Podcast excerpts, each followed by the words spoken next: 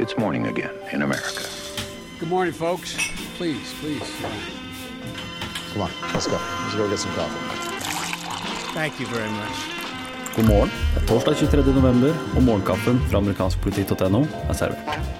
Amerikanerne har tatt eh, thanksgiving fri, og det er relativt eh, lite å melde i dag. Vi har da i alle fall noen få saker i morgenkaffen også i dag. Eh, det jeg ikke nevner her i podkasten, kan du som vanlig lese mer om på amerikanskpolitikk.no.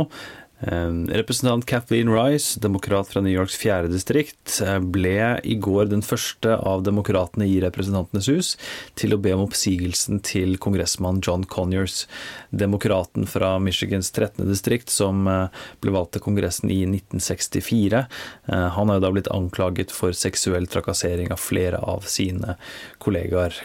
Etikkomiteen i huset har da igangsatt en etterforskning av anklagene mot eh, John Conyers, som selv da nekter for anklagene.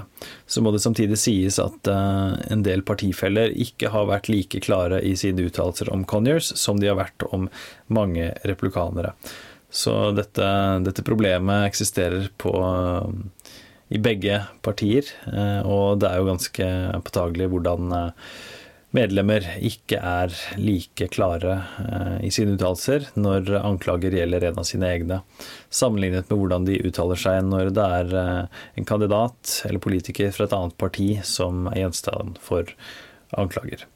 Når det gjelder Al Franken, senatoren fra Minnesota, demokraten som mange har uh, omtalt som en mulig kandidat i 2020, så har det kommet enda noen flere kvinner der som har uh, fortalt om upassende og uønsket uh, oppmerksomhet fra Franken. Den ballen ruller jo går videre, så får vi se om det presset mot ham endrer seg på noen meningsfull måte framover. Og helt, helt til slutt her så kan vi jo komme med en litt artig og surrealistisk sak. Det er da senator Tom Carper, demokraten fra Delaware, som har fortalt CNN eh, om en liten episode med Trumps økonomiske rådgiver Gary Cohn.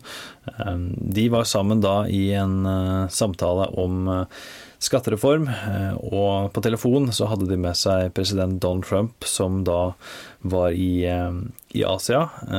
Trump skulle si noen ord, men snakket og snakket og snakket, og Carper um, tipset da Gary Cohn, den økonomiske rådgiveren til Trump, om at kanskje skulle uh, late som de hadde dårlig dekning, uh, for så å si ha det og legge på. Uh, og det var akkurat det Gary Cohn gjorde. Og Carper sier her at ikke er meningen å, å sette Gary Cohn i et dårlig lys.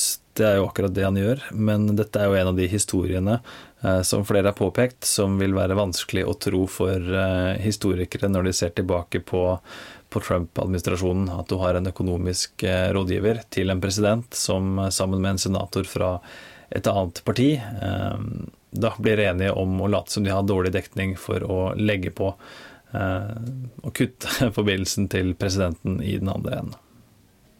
Dagens utgave av Morgenkaffen er servert av Per Åsmund Reimert og undertegnede Are Togflaten.